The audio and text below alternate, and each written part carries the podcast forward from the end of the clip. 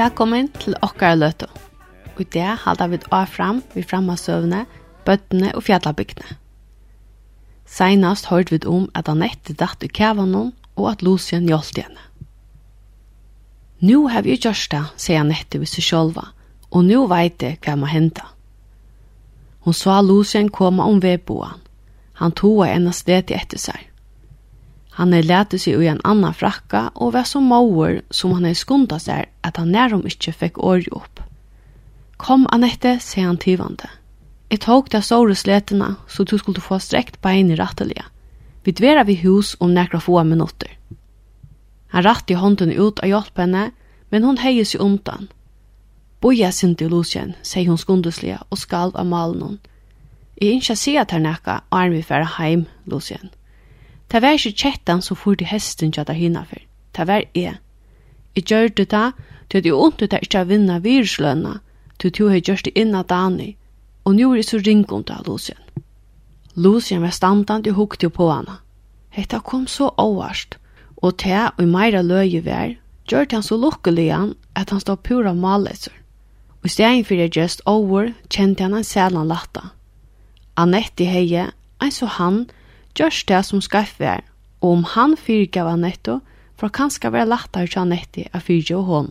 Ein lydelig knustur hestur hei sjålsak lydiga tuja, sammet vidt av brottna beinet av Dani, men korsten vuste til seg av for at det nærre hverst øron. Han fann ikke et år for tonkosunnen og for å og helst med en fyr. Å, til er ikke å si han etter. Det skal du ikke huske mer om. Kom best opp av sletene så han badde han frakkan om henne, sette seg frammanfyrir og saman for det susande åman tjøkken delen og kom til uthårene til herra Børner, kvitt av kævarutje fra kynnaren. Annette grulva i hånden og knøven opp i tjøkken trappene og var standande og einom bein i udoren Og så hukte hon at Lucien, som spekler gjør seg klaran av fra stavisletene. Hon er letet ditt når hjertet sin opp for herren Jesus, som var kærlighet, og tog åtte hun eisne og let opp dittene for losjen, tog kærlighet frelseren leder ångan var utstångt han. Kom inn, losjen, røpte hun. Kom inn og by om og gå kvöld. Hun var så glede å høre at du fanns med. Hun let horen opp av vujan vekk, og hon og losjen for igjen. Omma leip opp ved henne gledjeråpet, og hon sa Annette. De hadde vært ekkelig av bøngen, og papen var ferdig igjen av fjallet leite etter henne. Hun la munnen opp ved deilene, Men då hon sa hin hovna foten takte hon og hjalp i stegen. Annette ur sofarna og for åtta för att göra kallt omslag till. Men då hon vände sig så hon Lucien standa smattnan och himpast av gottorna. Och av løte stod åt dig och hukte på hver stanna. Det dimmo einu til omma kunde lese i anledningen av bøttenen ens gjennom åpner bok, og her sa han sløykan enkor og innelian bøn, en øytafotlan vågen og eit orreie som hon ångat i avur hei se under hun badna anlit. Hon leie boa hendunar og hera hansara og toa han iver til hitan og ljósu fra de åpne kaminne. Du erst velkommen gåe, sier hun vinalia. Kom inn og sete saman vi okkon. Horen gikk atter, og papen kom inn og riste kævan av frakkanon. Han er se anna slete vi tveimun bøtten og pjua for susant i åman jøkken delen, og og helt tog at Annette måtte være vandalis. Ta han ei hørt atla søvna og hei givet nøkru år, til at hun einsammet var ferden så lengt fra husen av kvölde, sette han seg eisen vid han åpna elden, og om han kom vi heita sjokolade og brei vi tjukkon smør og pja til teg ød. Og ovast av lei hun enn tjukka ostaflus, fotlan i hålen og ød sådde det tiande og åte. Ein svøvn tung og lindnande tøgn. Hiten fra elden og man av nottarluftene gjør det til dåsen. Lucien sier at du blunka vi egnu mot i og yngste at hentan løtan kunde varst evet. Men alt i egnu var tøkne bråten av han og løkne skave oppi horna. Det klavus, røpte han etter og leip opp. Men da han kokte fotren fikk han a setast attor. Og i stegen var det omman, papen og Lucien som ødlusen låd i horen opp. Klavus kom gengand inn i rommet vi helan og beint opp under loft, og i munnen hon hei han en nøyføddan blindan strupotan kjettling. Han hukte ikkje på nekran av teimun, men for beinleis i til søngjene her Daniela og svev og hoppa i oppa døgnuna. Han sleppte til døyra bør byrene så nær vi Dani, og skunda seg atter til horna og mjavaie. Han kjem kjøtt at vi eina tre seg papen og lova henne ut. Så må vi helt til at horna standa glopp, sier omman, og badla i sjalle betre om heranar, og spurte Lucien om han ikke ville teka geita sinne og leggja det oppa knøyne henne. Så sa du til ødel og skulve at du uisa kalda gjøstrunnen til Klavus kom atter. Hesa fyr vi no kvitun kjettlinje vid dim og plettun, leia han av samme sted og skunda seg utatter i myskra.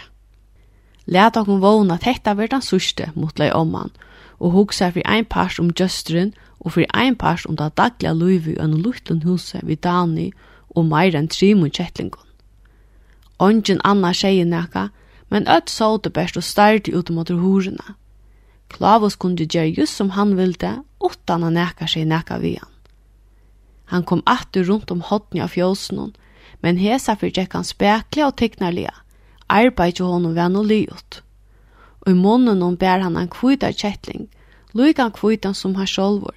Sauna sig alla trutja skärman med den framlappanar og leie seg tvers om brinken av Dani og for å sleitja og spinna som galt av løyve. Kan så leta horna atter Lucien, sier omman med en lutten soffe av lata. Og Petor, du måst røyna finna na kurdla atlas av kjettlingarna, annars kveles strånkren. Papen flette jo kujtje.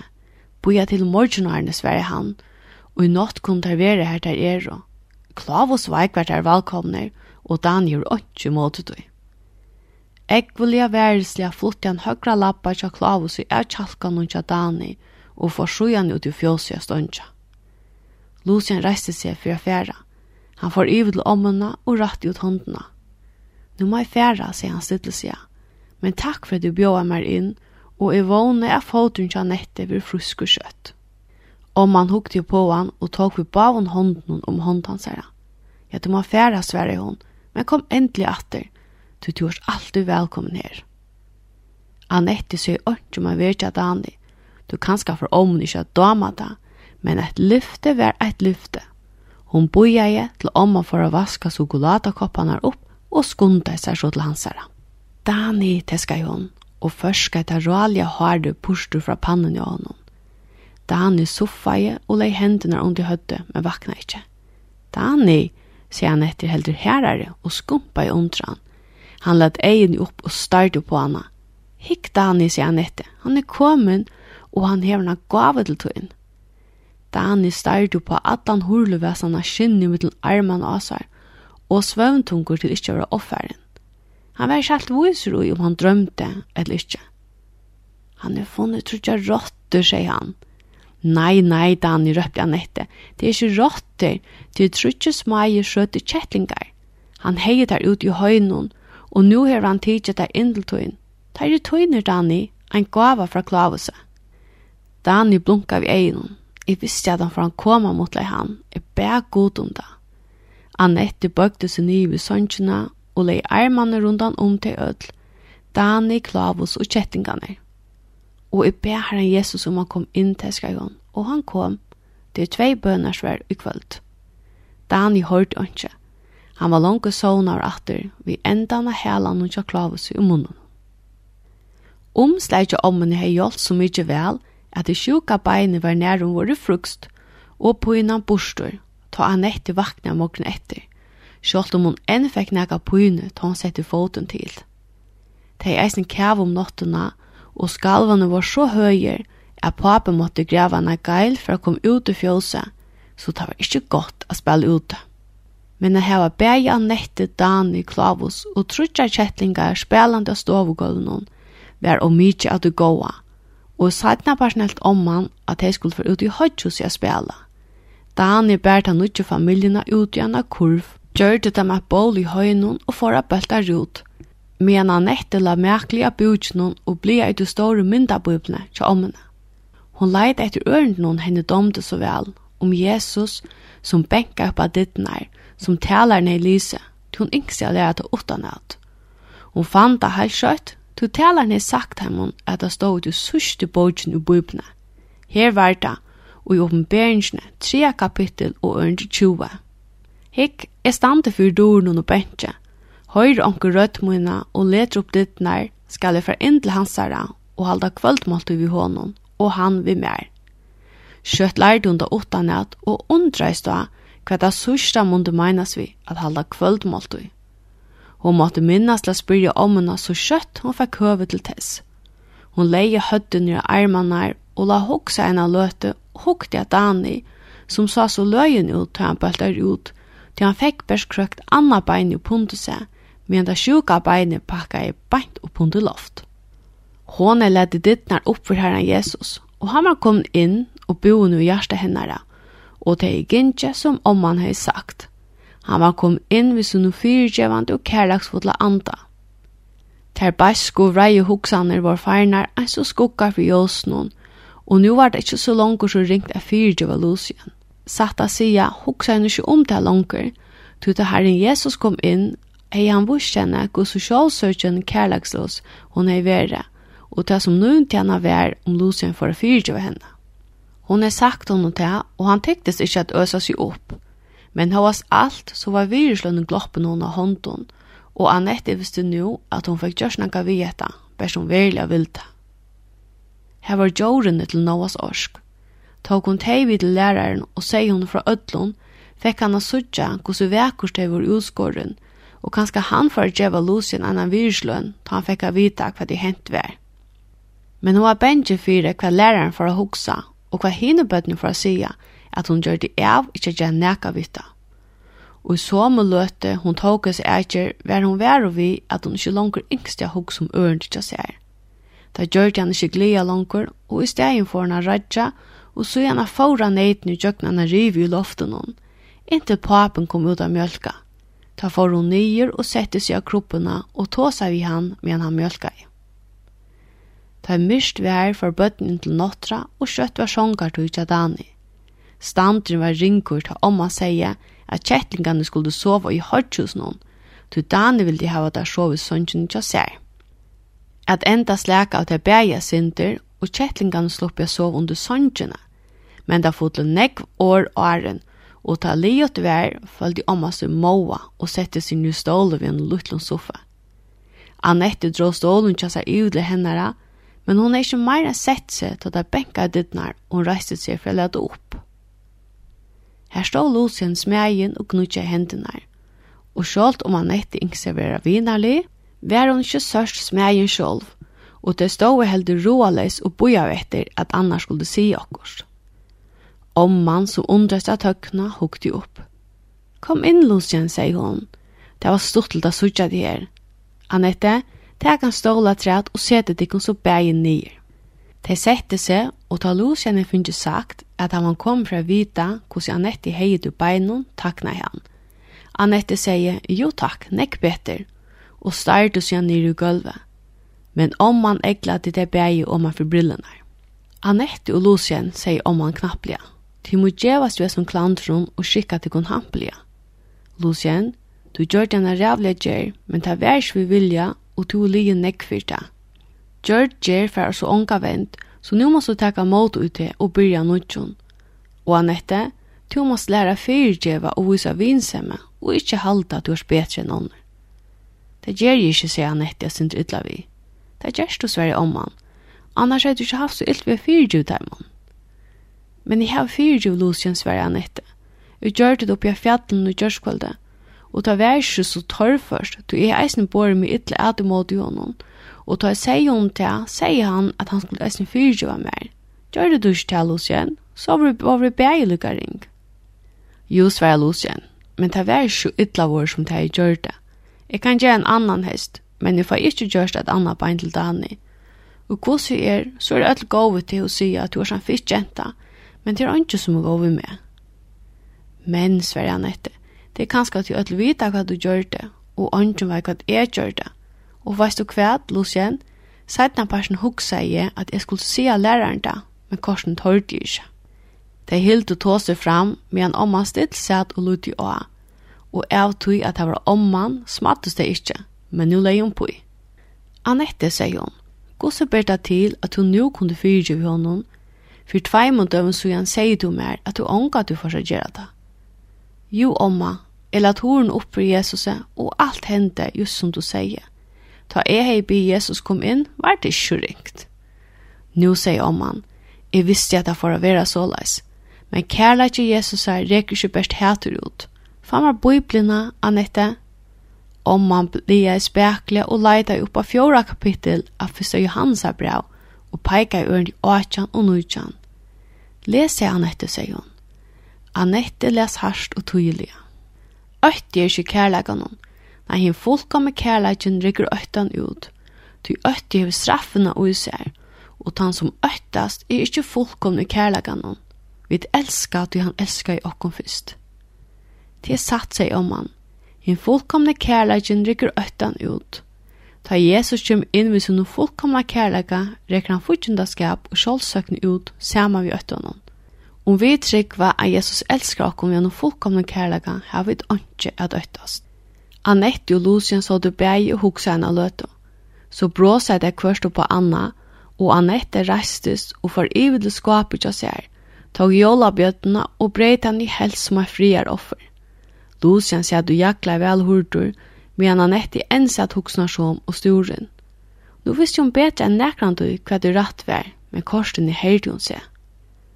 Lucien stekka ikkje landje, og ta han var færen, sier Annette gå nått og reiste seg for fær fersong. Annette sier om han, minst til, at da Jesus kommer inn, kommer han bare som en herre. Du må gjøre til han byr til, og ikke til at du selv vil. Ja, omma, sier Annette held du døper, og får opp av loftet. Tå hon lærte seg ur, lei hun seg akne a bia. Herre Jesus, sier hon, jeg ikke gjør til at du byr meg om. Om du velger ikke at jeg skal si læreren til om hesten til Lucien, så gjør meg dyrve og lær meg ikke langer himprast. Så gjerne får hun i sång, lattar Jehova og skjøtt var hun såna. Nasta morgo vakna hun tullja og la hoksa i til tøyver affær opp. En halte hun av synder Hon les jo ui og får nyr i køkjen her omman koka kaffe. Omma, sier hon, jeg må for omman å tåse ved læreren i morgen. Men hvordan vi fått hun, spurte omman. Jeg fer vi sletene. Hvordan kom du nye natter? Jeg vet ikke. Jeg halte bare i holdt ikke bare nye natter. Men hvordan er omma, jeg må for å tåse ved læreren i morgen, og det kan ikke boja. Hva er det var så spurte papen, som var i fer vi har bostet kævene stille ved noen i doren noen. Om man er til at ta seg ved læreren, kan du komme oma ved mer. Jeg fer oma ved mjul, gjør det kjærene. Jeg må køyre osten om han til tåsa. Jeg kan se at han er av i huset og komme etter henne nye natter av det. Andy jo han etter lustig og glede. Hun kunne ikke ha boia langer. Hei hun boia en del langer, hei hun kanskje atter kjent seg øtafodla. Ta hon sæt under linje av pappa sin i kjærene, vi gjorde noe til Noahs ørsk vel innbadla hun og en lommaturklæ, Men Østlande lov å hoppe av at han fyrir henne, følte hun seg ikke langer så glede. Hun visste ikke hva hun skulle seia av læreren. Hva er man ble ekvel, ekvel, ytterlig vi henne, da kunne lagt det hense. Hva er atla du der nytt av læreren hun, spurte pape knapplega. Er du må av ønske heimarbeid hava? Annette leie ljósarda høverskytt om åt i kåtjansa. Nei, sver hun småkjen. Det er bare snakk at atla si hon. Det er et løgndarban, pappa. De korte tygjande vujere til et kvita huset kom undan. Om sommer sa det ut av det så kvitt, men nu omkyrst at du regna kavanon var det grått og skytig og alluta. Du må så el, sier papen. Jeg vil atter om en halvann tøyma. Mjol kjør helt leina fram, men han etter for gengan i mot husen hon, vi benkan til hjärsta og stå lunge utanfyrir, og Arnold hørte jeg benka. Satt a sia, kunne hun ha steg her, inntil tog var fra heimater om læreren seg seana der. Han kom opp og la toren opp for han, utan at hun er benka. Kom inn, kom inn, sier læreren blodliga, og får inn ut lukta rommet vi henne, her han så mengane sier og lyser vi henne. Han var så god vid bøttene, og i frøyden sakne han teg, og var glævur til at jeg vidja han. Annette får beinleis i utlåbordet, tog lomma til å klæve jorden til Noahs ørsk og sette til å rea. Lucian er jo gjørste, sier hun, er det ikke vøkker. Læreren tog det opp i håndene og hukte gjødle at han med stolen forvittne. Det er ikke ser av vel skåren, sverre han, og det er så overfra velgjørt av noen drønge hans er aldre. Det er ikke langt til at han kan arbeide for sitt egna livbrei. Jeg visste ikke at han er slik hekkene jeg ser ut ur treet. Hvor var han ikke i kappingsene? Det atle han sver han etter avgjørt av malen, og det er just det jeg kommer å si til henne. Han gjørte en luttan hest, men i breit han, men han ikke svata, tog jeg var så ørge nå han om Dani. Men nu er jeg så hørmunda, og jeg har hukse om han ikke eisen kunne finne henne virslund korsene, nu tatt hun vite om det. Læreren hukte hukse og skjemmer på henne. Kinnar hennar var reier og egne starten i gulvet. Jo, men jeg har ikke æra virslund, sier læreren at enda. Det var best vær. Peter fikk æra, og to fikk hinna så er Lucian få det som Peter fikk, til hun var den til beste drøntgen, og Lucian var han ikke bedre enn Peter. Å nei, svær læreren, ta kunne vi det ikke. Hås alls så vann Peter ærlige. Vi kunne ikke takke virslene fra henne. Og om du velger ikke at han skal få henne virsløn, så må du gjøre henne tøyne. Det var jo tøynskyld han ikke fikk henne, var det ikke? Jo, sier han etter, og sier til han det i hele 30 minutter og hukse jeg. Virsløn hennara var en vøkru bók, fotla myndun av fjöllun i sveis. Hon la i skuffni kjenne vel innpatla i syltjupapur og var det vekrasta hon åtta. Sjål sa hun jo sida nei til hun visste at læraren får ikkje nøye henne at gjeva Lucien. Men om man er to som fullkomna kærlega. Herre Jesus bo nu i hjertet hennara vis hun fullkomna kærlega, og han yngst ikkje at hon skulle halda nega atter. Alt er leie, sier han etter omsøyer. Godt sværa læraren vi annon sikrande egna kaste, til han visste at han netti hei vunni en stora sigur hesa trutja minuttuna. Du kan stjeva meg hana ta skolen byrja atter, og så skal jeg handa honom hana i skolastålna, og bøtten skulle eislepa sutja djorena. Jeg sverja nette og hugde øttafod oppi anlit hansara, for å vita om han helt henne var ekvile, ekvile ønta. Men han brå seg best på henne, og ta hon får, visste hon at den gamle læraren var lukka god vi henne enn som han er vært av. Hinn tåma mul gjorde kjerran hoppaie og skroppaie nian etter du kæva kata fjallasyne, og sjått var det heima atter. Anette ratten opp gjøng trappene og var standande av balkongene. Danne kom ut og stidde seg under li hennara vi ötlun kjettlingnon i fønningsnon. Atan fri henne koka i oman døvran, og framan fri henne ska en solen nu oman i djøkken delen. Hon sa åman i det skitjande tegenar og den klara oarløgjen, men hon følte en gåa engan fra du kokande supane atan han fyrir seg. I morgon var delen fotla av skogen, hos jeg Anette, men nu er han fotler av solskinn.